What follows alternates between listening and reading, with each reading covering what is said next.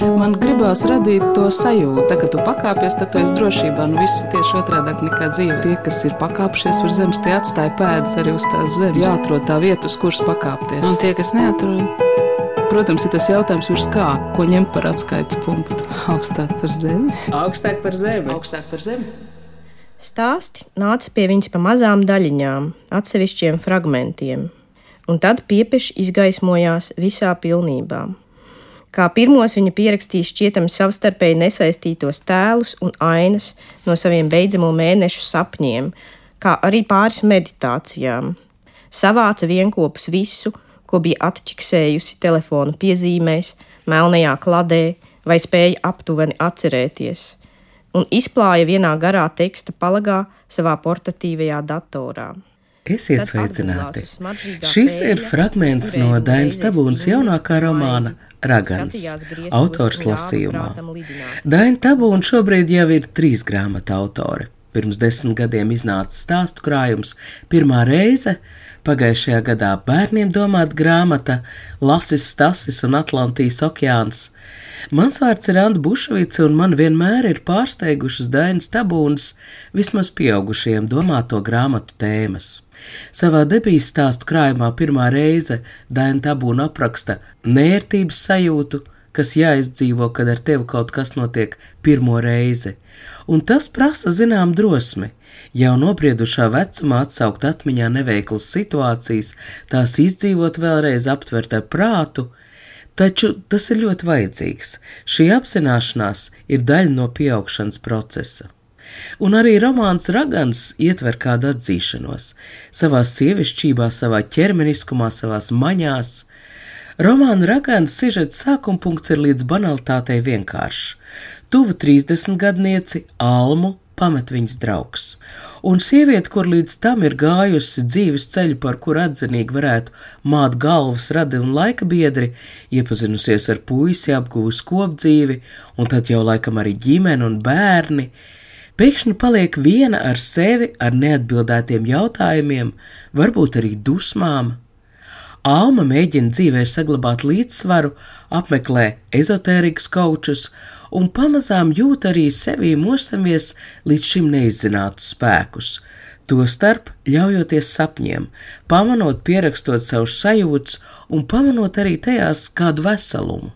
Dažas daļas pamazām savilkās kopā ar citām, sagrupējās negaidītās konstelācijās. Pa vidu sāk spraukties jaunas telpas, jauni teikumi, un drīz jau āma vairs nevarēja nošķirt, vai redzējusi tos vēl citos sapņos, varbūt pat daudz senākos, vai tikai nu pat izdomājusi. Viņa pierakstīja visu, cik nu varēja, tad izslēdza datoru un pāris dienas nekustināja.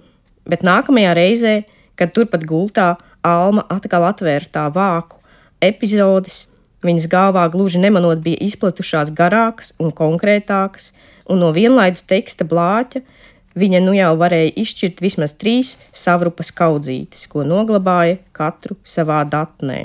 Man lasīt par tām kaudzītēm, vai šeit es varu izbeigt. Tas kaudzīts bija par pagānismu un kristietību, jā? Jā, ienosīšu. Pirmā - pagānisma un kristietības sadursme. Rituāls nevēlamas grūtniecības pārtraukšanai. Otrā raganu medību mānija. Faustiska figūra bērna iesaiste maģiskās darbībās.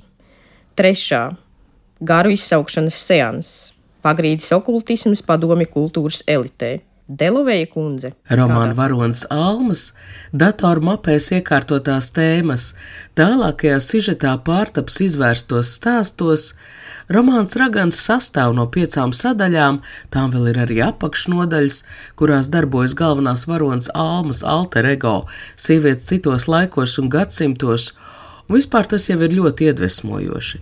Domāt, ka varētu pastāvēt kāda pārlaicīga sieviešu māsība, ka caur sievietes ķermenisko izjūtu mūžīgu atkārtošanos sieviete var izdzīvot gan kādas sengrieķu dievietes, gan kādas viduslaika meitenes sirds noslēpums Vai tiešām pastāv tādi savienotie trauki? Nu, Almā ir noteikti šis tās nomānis, un es noteikti tur esmu izmantojis arī savu personisko pieredzi, un es esmu mētiecīgi arī kaut kādu pieredzi ieguvusi tieši šī romāna tapšanai.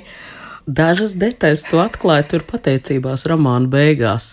Tur ir pateicība sieviešu apļiem, ja tiešām? Jā. Sarunbiedrēm, kas tur vēl bija? Tur bija, teiksim, pateicība Ievai Melgāvai par uh, taro ierādīšanu. Un tā ir taisnība, ja? Vai ir taisnība tas, ka es apmeklēju sieviešu apļus un, uh, un apguvu taro tādā ļoti pamatlīmenī. Vai taisnība tas, ka tā ir normāla mūsdienu izglītot cilvēku sarunu tēma? Man liekas, ka tā ir diezgan normāla mūsdienu izglītota cilvēku sarunu tēma.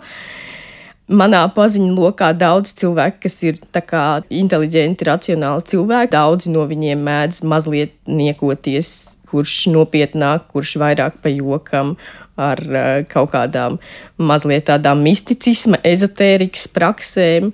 Man tas likās interesants temats. Tāpat laikā ir šī mazliet nicīga attieksme, niekojās, nu, ka tas nav tas galvenais izziņas ceļš. Man interesēja lielā mērā šie mūsdienu sievietes meklējumi garīgajā sfērā, Jo, teiksim, ir tāds autors kā Inga Gaile, Anna Auziņa ir rakstījušas par to, kā viņas cenšas savienot uh, būšanu sievietei, būšanu feministei un uh, kristietību. Un par to, kādas arī pretrunas šajos mēģinājumos to savienot ir. Un, uh, man savukārt likās interesanti paskatīties šo citu ceļu, kur uh, ir sieviete, kas meklē kaut kādus alternatīvas garīgās kustības, kas varbūt būtu vairāk piemērotas viņai kā sievietei. They put my hands in water, told me I'm a god. Viņa nolēma pamēģināt vēl kādu lietu, ko nesen lasījusi. Guļot uz muguras, Alma aizvērtām acīm pastiepja augšu plaukstas un iztēlojas, ka starp tām atrodas mirdzoša, silta lode. Tad viņa atļauj sev izjust visu riebīgo, visu smago un sāpīgo, kas pa šodien viņā uzkrājies. Neiederīgumu kaunu sieviešu aplī, trauksmes kamola kaklā, sākot runāt, mazvērtības izjūtu, kas mēdz viņu pārņemt atzītu autoritāšu klātbūtnē un kas uzpeldējusi arī priesterienes priekšā. Viņa sajūta to visu pulsējumu sev galvā, krūtīs, saules pinumā, kājstarpē, skaudību pret unu, rūkumu pret Regīnu, vainas izjūtu pret mammu, alkas pēc Roberta, sirdsklāvis, ko izsauc tā otra sieviete, dusmas. Caur rokām un pirkstu galiem Alma to visu novada mirdzošajā bumbā, līdz tā ir sasūkusies pilnīgi melna. Tad lēnām, lēnām viņa palaiž to vaļā. Tumšā lode paceļas mazliet virs āmas, un tad izlido cauri sienai un nolaižas pilsētas ielās. Vētra ir tik spēcīga, ka retie garām gājēji knapi turas kājās, bet lode, neviena nemanīta, slīd gludi un vienmērīgi. Tā mēro maršrutu, ko vēl nesen vakaros mēdza iet Alma, tad iegriežas tajā pašā vārtrūmē, kur gāja viņa, šķērso pagāmu, iziet cauri durvīm, laižas augšup tumšajā kāpņu telpā, ieslīd dzīvoklī. Melnā lode apstājas virs gultas, kurā aizmiguši divi kaili cilvēki - vīrietis un sieviete. Mirkli tur pastāv un tad izšķīst gaisā. You must remember, you are wild, chasing stones. Rakstniece un teoloģe Ilza Jansone bija Dainas Tabūnas iepriekšējās grāmatas pirmā reize korektore, un viņa atzīst, ka joprojām universitātes lekcijās ar teoloģijas studentiem apspriež kādu Dainas Tabūnas stāstu, kurā aprakstīta mazas meitenes pirmā reliģiskā pieredze un man šķiet, ka arī romāna Ragans aprakstītā garīgo meklējumu pieredze teologam varētu būt visai intriģējošs izpētes objekts. No profesionālā skatu punkta man uh, vispār interesē šīs jaunās garīguma formas. Joprojām man neatbildēta mīkla ir uh, tā, kāpēc tās ir tik populāras salīdzinot ar tādām tradicionālākām garīguma formām. Nu, ja mēs runājam piemēram par kāda piedarība tradicionālām reliģijām vai tradicionālo reliģiju garīgumu formām, bet tieši šīs sinkrētiskās šīs garīguma formas, kas uh, uzdodas par vecām, bet īstenībā ir jaunas, iegūst ļoti lielu popularitāti. Un, uh, es par to esmu ļoti daudz domājusi. Un uh, Dainas Tabūnas romāns man viennozīmīgi palīdzēja turpināt par to domāt, un varbūt lielā mērā palīdzēja saprast to psiholoģisko motivāciju, kas varētu būt viens no variantiem, kāpēc cilvēkiem tas ir svarīgi un kāpēc cilvēkiem tas ir interesanti. Jo līdz šim viena no tādām atbildēm, par ko es biju domājusi un ko es biju sev formulējusi, ir uh, tas, ka tradicionālās reliģijas tomēr ir pretrunīgas. To izpratšana, neatkarīgi no tā, vai tu esi kāds no šo reliģiju, nu, vai tu esi adepts, tātad piederīgs šai reliģijai, vai tu stāv ārpusē, izprast šīs pretrunas nereti ir ļoti grūti. Un tas raisa bieži vien, kā man patīk teikt, teoloģijas uzdevums ir uzdot jautājumus, nevis sniegt atbildes. Savukārt šīs jaunās garīguma formas ir pieskaņotākas mūsdienu cilvēkam, vairāk orientētas uz to, ka tās dod atbildes. Tādā ziņā man varbūt bija prieks, ka jā, romānā Raganas tas eh, varbūt daļai arī parādās, ka cilvēki meklē atbildes uz saviem jautājumiem, un tas ir Tas ir iemesls, kas viņus noved pie jauniem kaut kādiem meklējumiem, pie nepieciešamības identificēt sevī kaut ko mūžsanu, kaut ko, kas ir pavisam īsts, kaut ko, kas nāk no aizlaikiem. Protams, ka tas ir ļoti vilinošs solījums, ka tā var notikt un ka tas ir iespējams un ka turklāt identificējot šo senotu, iespējams atbrīvosies no kaut kādām problēmām. Un plus arī tas, ka iegūsi atbildes uz eh, daudziem jautājumiem, kas tev nodarbina. Par almu viss skaidrs, bet kāpēc tu aizgāji uz sieviešu apļiem? Es nezinu, varbūt man jāsāk kaut kā no sākuma, kā es vispār nonācu līdz šim stāstam. Es vēlējos rakstīt par šo sievieti, mūsdienu sievieti, kurai ir ap 30 un kura ir piepeši attapusies situācijā, kur viņi ir bez attiecībām, romantiskām, bez bērna, bērniem. Un uh, tas kaut kā viņi ļoti izsit no sliedēm, tādā eksistenciālā līmenī. Man liekas, ka šādu sieviešu ap 30, kuras ir bez nopietnām attiecībām ar vīrieti, bez bērniem, ka tā ir tāda samērā jauna parādība. Tādā ziņā, ka viņam viņas vienmēr jau ir eksistējušas, bet uh, mūsdienās ir daudz vairāk šo sieviešu. Un, ja kādreiz agrāk viņas tika bieži vien dēvētas par, piemēram, vecmeitām un visādi citādi saņēma iespējams tādu attieksmi, ka viņas kaut kā nepilda savu sievietes lomu kaut kādā no noklusētā hierarhijā atrodas eh, zemāk šī iemesla dēļ, tad eh, mūsdienās šādu sieviešu ir ļoti daudz, un tas it kā ir normāli. Bet tāpat laikā man liekas, ka ir palikuši kaut kādi šādi nospiedumi no agrākiem laikiem, kas tomēr liek izjust tādu iekšēju spriedzi, nonākot tādā situācijā. Kaut kā paaugstināt kaut kādus nedrošības līmeņus. Tāpēc man likās interesanti rakstīt par sievieti šādā mirklī.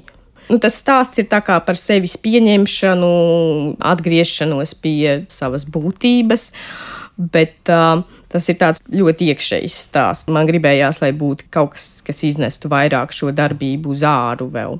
Un tad es kaut kā nonācu pie tā raganu tēla. Tas var būt gan tāds spēcinošs simbols, gan arī ļoti bīstams un kaitīgs. Un, uh, tas kaut kādā veidā ir, man liekas, pretmets tādam mātes simbolam, šim ģimenes sievietes simbolam, kas, protams, reālajā dzīvē tas nekādā veidā ragana un māte nav izslēdzošas lomas, bet man liekas, ka kaut kādā simbolu līmenī tas tā strādā, ka ragana ir pretmets šai sievietei, kas aprūpē galvenokārt citus. Un ragana ir vairāk tāda savu ceļa gājēja, kas bieži vien viņa gan tādēļ ir atspoguļota kā ļauna, kā varaskāra un kā pelnījusi dažādu veidu sodus.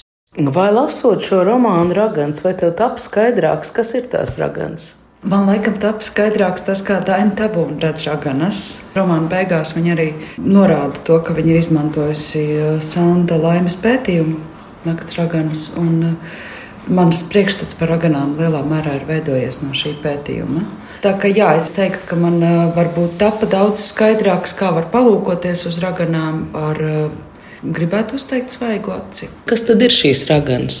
Tagad es tā ļoti brīvi izvēlos no etimoloģijas viedokļa, ka ragana ir nu, tas, kas redz, kas redz kaut ko vairāk, kas redz kaut kur dziļāk, tad kaut kādos laikos iespējams sieviete, kurai ir kaut kāds uh, talants vai ārkārtīgi labi attīstīta intuīcija, vai, kura, nu, vai vienkārši tas, ko mēs pazīstam kā zāļu sievas.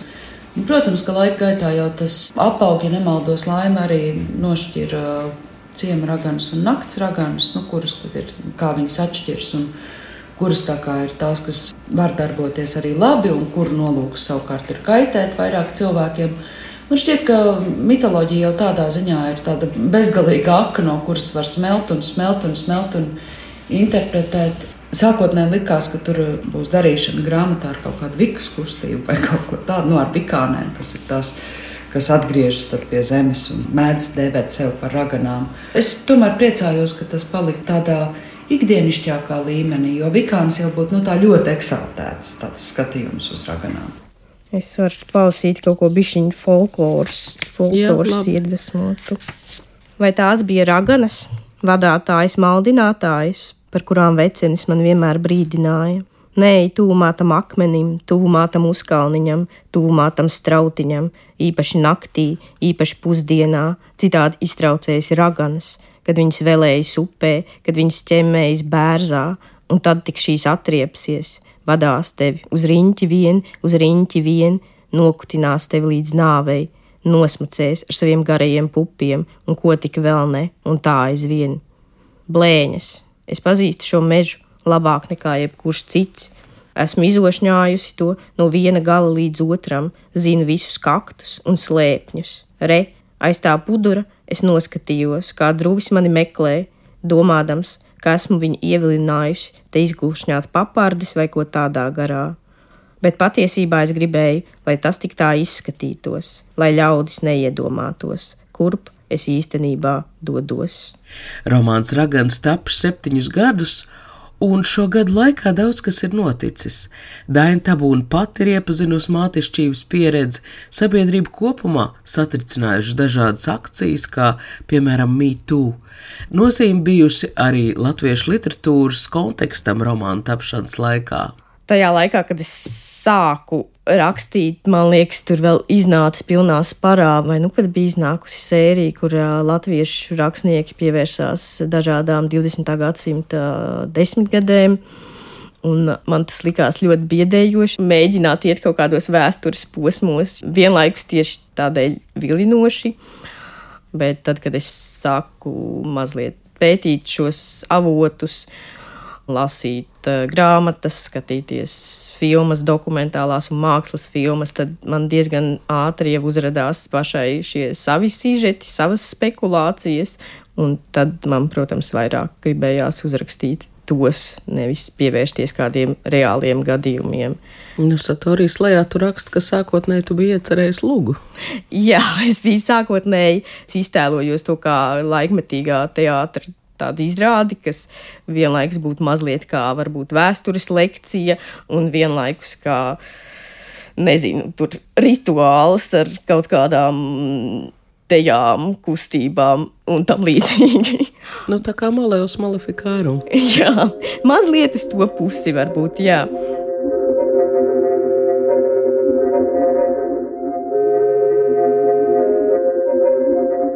Maleus Malefikārum jaunais līgums. Tā ir izrāde, kuru pagājušajā sezonā saņēma Spēlmaņa nakts balvu, un tās pamatā ir 15. gadsimtā tapis Ragans atmaskojošs teksts. Ragans šobrīd patiešām ir aktuāla tēma, un paralēli Dainas Tabūnas romānu lasīšanai internetu vietnē Satori uzmeklēja arī viņas sleju ar nosaukumu Pārrakstīt raganu, kura autora ar gluži pētniecisku interesi sarindojas gan BBC, gan The New York Times publikācijas, kuru mērķis ir izskaidrot raganas tēmas šī brīža popularitātes vilni. Visjaukākais kas ir tajā raganībā, ka tas kaut kā ietver arī to raganīgo māsību un uh, solidaritāti. Šajā satorijas lejā tu piemini arī protesta akcijas, šīs sievišķā spēka apzināšanās izmantošana protesta akcijās. Man liekas, ka tas ir ļoti, ļoti aktualizējies pēdējos gados. Jā.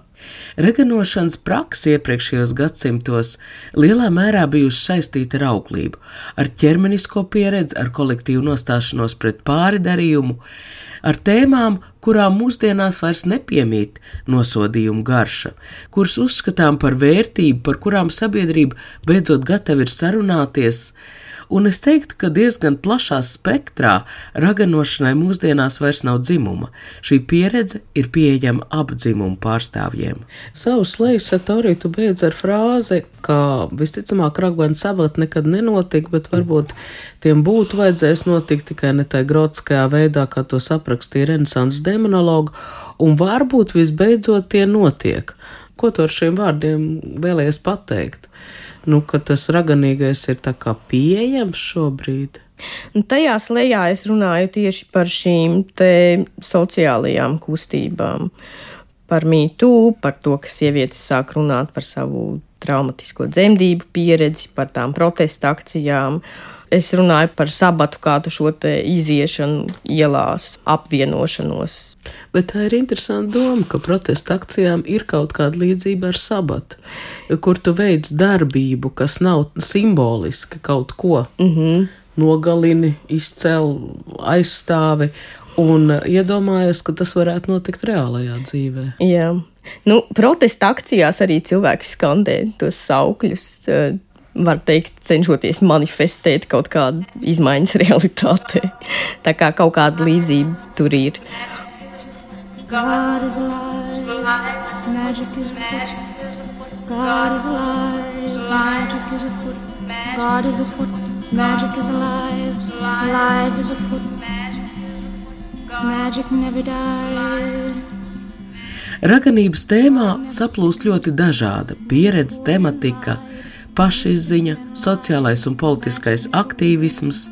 Pati rakstīšana ir visīstākā raganošana un, ja tā padomā, arī ceļot laikā nemaz nav tik grūti. Darot ko tik ikdienišķu, kā šķirstot ģimenes fotoalbumus un pamanot līdzību dzimtas sieviešu izskatā un arī likteņos.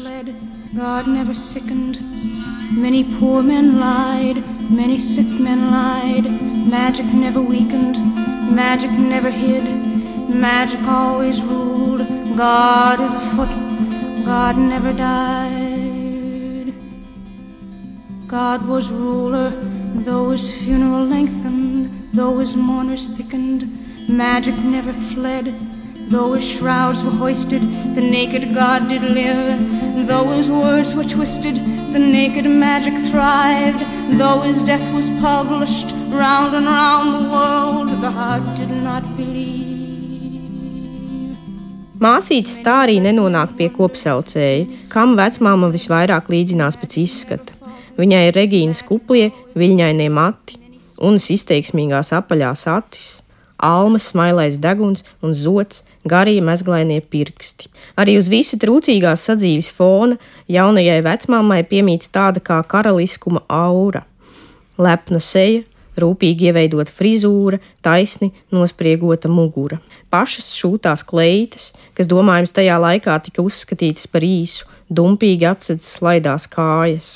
Dažās bildēs Alma līdzās Rutai atpazīst savu mammu, nopietnu bērnu ar pārmēru cieši sapītām bizītēm un skumju skatienu. Vienlaikus Alma atceras savas pēdējās atmiņas par vecmāmu šajā pat mājā, kad viņa bija vāja, slima, pa pusē jukusi, saskatīja ienaidniekus visos pēc kārtas un jo īpaši tuvākajos radiniekos. Bet visam tam pa vidu mēdza vervelēt arī par kādu jaunu vīrieti, puisīti, kā viņa mēdza teikt vienmēr labvēlīgu, laipnu, izpalīdzīgu. Vecmāma to sauc par savu kaimiņu, bet neviens nevarēja atpazīt, par ko viņa runā. Bija tikai skaidrs, ka aprakstītās tikšanās noritējušas vien vecās sievietes prātā. Toreiz almu vecmāma smurgi kaitināja. Tagad viņa tajos sataust sāpīgi pazīstamu stīgu, kā līdz pat pēdējam Vecmāma turpināja ilgoties pēc vīrieša, kas viņu izglābtu, pēc lielās, īstās mīlestības. Kā gadu desmitiem viņa sekcijā aiz stikla turēja sevis idealizētā itāļu aktiera bildīti, turpat līdzās diamātes ikonai. Es iesāku stāstīt par personīgo, ko es esmu mērķiecīgi ieguvusi, bet kaut ko es esmu arī paķērusi no kaut kādas savas dzīves, no savu radinieku, draugu dzīves. Piemēram, man ir eh, vecmāmiņa, kurai bija tā sekcija, kur ir tas itāļu aktieris un ir tā diamāta ikona. Un vēl tur esmu paķērusi no savas otras vecmāmiņas lauku mājas, kuras atradās Druvienā, un tad es, eh, teiksim, rakstot, eh, staigāju pa to Druvienu ar Google mapā un, un, un pētīju, kā tas ciems izskatās, un eh, kaut kur ziemas vidū cenšoties iztēloties, kā tas izskatās vasaras sākumā. Beigās viņi atgriežas kopā ar savām māsīcām šajā mm, netālu no šī ciemata, šajā ciematā. Un tas dažkārt tur uzplaiksnīja arī viņas atmiņās, šī vecmāmas māja, kaut kādas bērnības atmiņas par skriešanu ar māsīcām kopā pār lauku un uh, bērnu buršanos. Manuprāt, Daina Tabūna romānā Ragans apraksta mūsdienu cilvēku īpašo būšanu. No vienas puses tā ir ārkārtīgi racionāla būšana, saistīta ar tehnoloģijām, darba grafikiem, skaidru dzīves kārtību, taču vaļa tiek ļauta arī tai otrajai pusē. Cilvēki tiek mudināti sarunāties, cilvēki drīkst būt vāji. Savu veidu ceļojumu laikā ir ikvienam pieejamie vēstures stāsti, zināšanas par dažādām reliģiskām vai ezoteriskām praksēm. Milzīgs pakalpojumu klāsts gādā par ķermeņa baudu un robežu izzināšanu. Alma, izzinot iespējamās pieredzes tik dažādās puses, romāna noslēgumā saņem savus jaunās patības pieņemšanu. Bet mūsdienu cilvēks, vai viņš ir principiāli nu, jaunā situācijā, nu, teiksim, sieviete, 30 gadniece, kurai ir iespēja, nu, ka viņai ir šī sava istaba? Man šķiet, ka mēs dzīvojam laikā par laimi, kur mēs varam daudz vairāk uzmanības veltīt sev, un kur nav šie varbūt kaut kādi Mēs esam privileģēti kaut vai tāpēc, vien, ka mēs varam precēties aiz mīlestības. Un, ja mēs negribam, mēs varam neprecēties. Mēs varam izvēlēties kaut kādus attiecību modeļus, kuros mēs dzīvojam, salīdzinot ar kādreizējiem laikiem, daudz privileģētākā situācijā. Uz vīriešiem principā attiecas tieši tas pats. Es gribu atgriezties pie tā jautājuma, kas palika neatbildēts. Daina, kāpēc tu aizgāji uz sieviešu apli? Jā, es domāju, cik daudz es gribu par to stāstīt. Tur jau ir tas paradoxālākais, ka tu spēj būt ļoti atklāta romānā. Jā. Un dzīvē viss cauri. Nu, jā, nu tā jau kā lieta, ka tu vari mazliet, mazliet noslēpties aiz tās uh, daļliteratūras formas. Un tu vari būt vienlaikus ļoti atklāts, un tad vienlaikus neteikt, kurā tieši brīdī tu esi ļoti atklāts. Sākotnēji, jā, es biju domājis rakstīt tikai tos vēsturiskos vēstures iedvesmotos stāstus, un tad uh, kaut kā ar laiku, kad es sapratu, ka ļoti aktualizējas tā raganu tēma tādā mūsdienu interpretācijā. Tad um, es sapratu, ka es tomēr gribu, lai viņi arī iemēģina kaut kādas mūsdienu ezotēriskās un mistiskās prakses. Tostarp sieviešu, dieviešu pasākumus un sieviešu apļus, kas ir uh, nu, tāds sava veida bizness arī. Uh, Daļēji es to darīju vienkārši priekš izpētes savam literārajam darbam, bet daļēji, protams, šis darbs ir, es viņu tādēļ esmu rakstījusi, ka man tas ir bijis patiešām interesanti. Un kaut kas man tajā ir fascinējis. Es esmu arī kaut ko ieguvusi no visām tām lietām, ko es esmu tur iemēģinājusi, kas ir piemēram apzināta sapņošana vai tie paši taro kārtas ar Dainu Tabūnu un Ilzi Jansoni par romānā Ragans rodamajām tēmām sarunājās Anna Bušvica. Par šī raidījuma skaņu gādāja Valdis Raitums. Kad jautāja par muziku, ko Daina klausījās romāna tapšanas laikā, viņa ieskatam atsūta arī šo skaņdarbu. Buffy Sant Marie, God is alive, magic is a food, Dievs ir dzīvs, maģija notiek. man, man, God, light, man, God, light, man,